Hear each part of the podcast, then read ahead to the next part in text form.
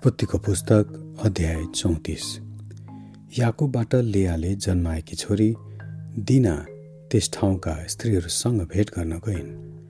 त्यस ठाउँका रजौटा हेवे हमोरका छोरा सकेमले तिनलाई देखे र लगेर तिनीसँग सहवास गरे। तिनको अपमान गरे। उनको मन याकुबकी छोरी दिनातर्फ बस्यो। उनले ती कन्यासित प्रेम गरेर मिठा मिठा कुरा गरे। तब सकेमले आफ्ना बुबा हमोरलाई यसो भने मेरी पत्नी तुल्याउनलाई त्यो कन्या मलाई ल्याइदिनुहोस् सकेमले आफ्नी छोरी दिनालाई बिगारेको कुरा याकुबले सुने। तर तिनका छोराहरू चरणमा गाई बस्तुहरूसँग गएका हुनाले तिनीहरू नफर्कुन्जेल तिनी चुपै लागि बसे। तब सकेमका बुबा हमोर चाहिँ कुरा गर्न याकुब कहाँ आए? भएका घटनाहरू सुनेर याकुबका छोराहरू चरणबाट आएका थिए। तिनीहरू विचलित र क्रुद्ध भए किनभने याकुबकी छोरीलाई बिगारेर सकेमले इजरायलको बेजत गरिदिएका थिए। यस्तो काम गर्नु उचित थिएन तर हमोरले तिनीहरूसँग यसो भनेर कुरा गरे मेरो छोरो सकेमको मन तपाईँकी छोरीतर्फ आसक्त भएको छ। कृपा गरी त्यसलाई दिनासँग विवाह गर्न दिनुहोस्। तपाईँहरू हामीसँग विवाहबारी गर्नुहोस्। तपाईँका छोरीहरू हामीलाई दिनुहोस् र हाम्रा छोरीहरू तपाईँ लिनुहोस्। तपाईँहरू हामीसँगै बस्नुहोस् र यो ठाउँ तपाईँहरूका निम्ति खुला रहनेछ। यहीँ बसोबास गर्नुहोस् व्यापार गर्नुहोस् र सम्पत्ति जोड्नुहोस्। सकेमले पनि ती कन्याका बाबु र दाजुहरूलाई भने म माथि तपाईँहरूको निगाह रहोस्। तपाईँहरू मसँग जे भन्नुहुन्छ म दिनेछु। दाइजो र विवाहको उपहार जतिसुकै भन्नुहुन्छ माग्नुहोस्। र तपाईँहरूले भन्नुभए बमोजिम म गरिदिनेछु। केवल त्यो कन्यासँग मलाई विवाह गर्न दिनुहोस्। सकेमले तिनीहरूकी बहिनी दिनालाई बिगारेका हुनाले याकुबका छोराहरूले सकेम र हमोरसँग कपट राखेर जवाब दिए। तिनीहरूले उनीहरूलाई भने खतना नभएकोलाई हामी हाम्री बहिनी दिने काम हामीबाट हुन सक्दैन।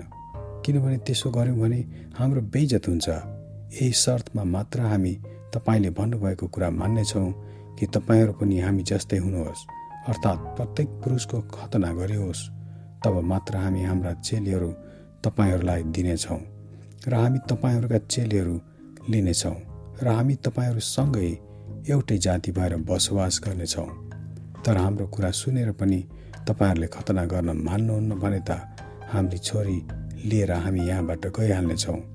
हमर र उनका छोरा सकेमलाई तिनीहरूको कुरा मन पर्यो। ती युवकले यो काम गर्नु कति पनि ढिलाएनन्। किनभने याकुबकी छोरीसित उनी मोहित भएका थिए। उनी आफ्ना बाबुको घरानाका सबैभन्दा बढी आदरणीय थिए। यसकारण हमर र उनका छोरा सकेम सहरको मूल ढोकामा आएर सहरवासीहरू सबैलाई यसो भने यी मानिसहरू शान्तिप्रियहरू छन्। तिनीहरू यस देशमा बसेर व्यापार गरून्। तिनीहरूका निम्ति जमिन पनि प्रशस्तै छ। हाम्रा र तिनीहरूका बिचमा विवाहबारी पनि चलोस्। तिनीहरू हामीसित बसोबास गरेर एउटै जाति बन्न यही शर्तमा मन्जुर गर्दछन् कि तिनीहरूको खतना भए चाहिँ हामीहरूको हरेक पुरुषको खतना हुनुपर्छ। के तिनीहरूका गाई वस्तु र धन सम्पत्ति र सबै वस्तुहरू हाम्रै हुने छैनन् र केवल हामी तिनीहरूको कुरा मन्जुर गरौँ र तिनीहरू हामीसित बस्नेछन्। सहरको मूल ढोकाबाट निस्कने सबैले हमर र उनका छोरा सकिमको कुरा माने र ती सबैको खतना भयो। तेस्रो दिन जब उनीहरू साह्रै पीडित अवस्थामा थिए तब याकुबका दुई छोराहरू दिनाका दाजुहरू सिमियोन र लेबी आआफ्नो तरवार लिएर गुप्त रूपले सहरमा पसे र सबै पुरुषहरूलाई मारे। तिनीहरूले हमर र उनका छोरा सकिमलाई पनि तरवारले काटेर मारे र सकिमको घरबाट दिनालाई लिएर गए। अनि याकुबका छोराहरूले तिनीहरूकी बहिनीलाई उनीहरूले बिगारिएका हुनाले ती मारिएकाहरू कहाँ आएर त्यस सहरलाई लुटे। तिनीहरूले उनीहरूका बगाल र बथानहरू गदाहरू र त्यस सहरका मा भएर खेतमा भएका सबै कुरा पनि लगे।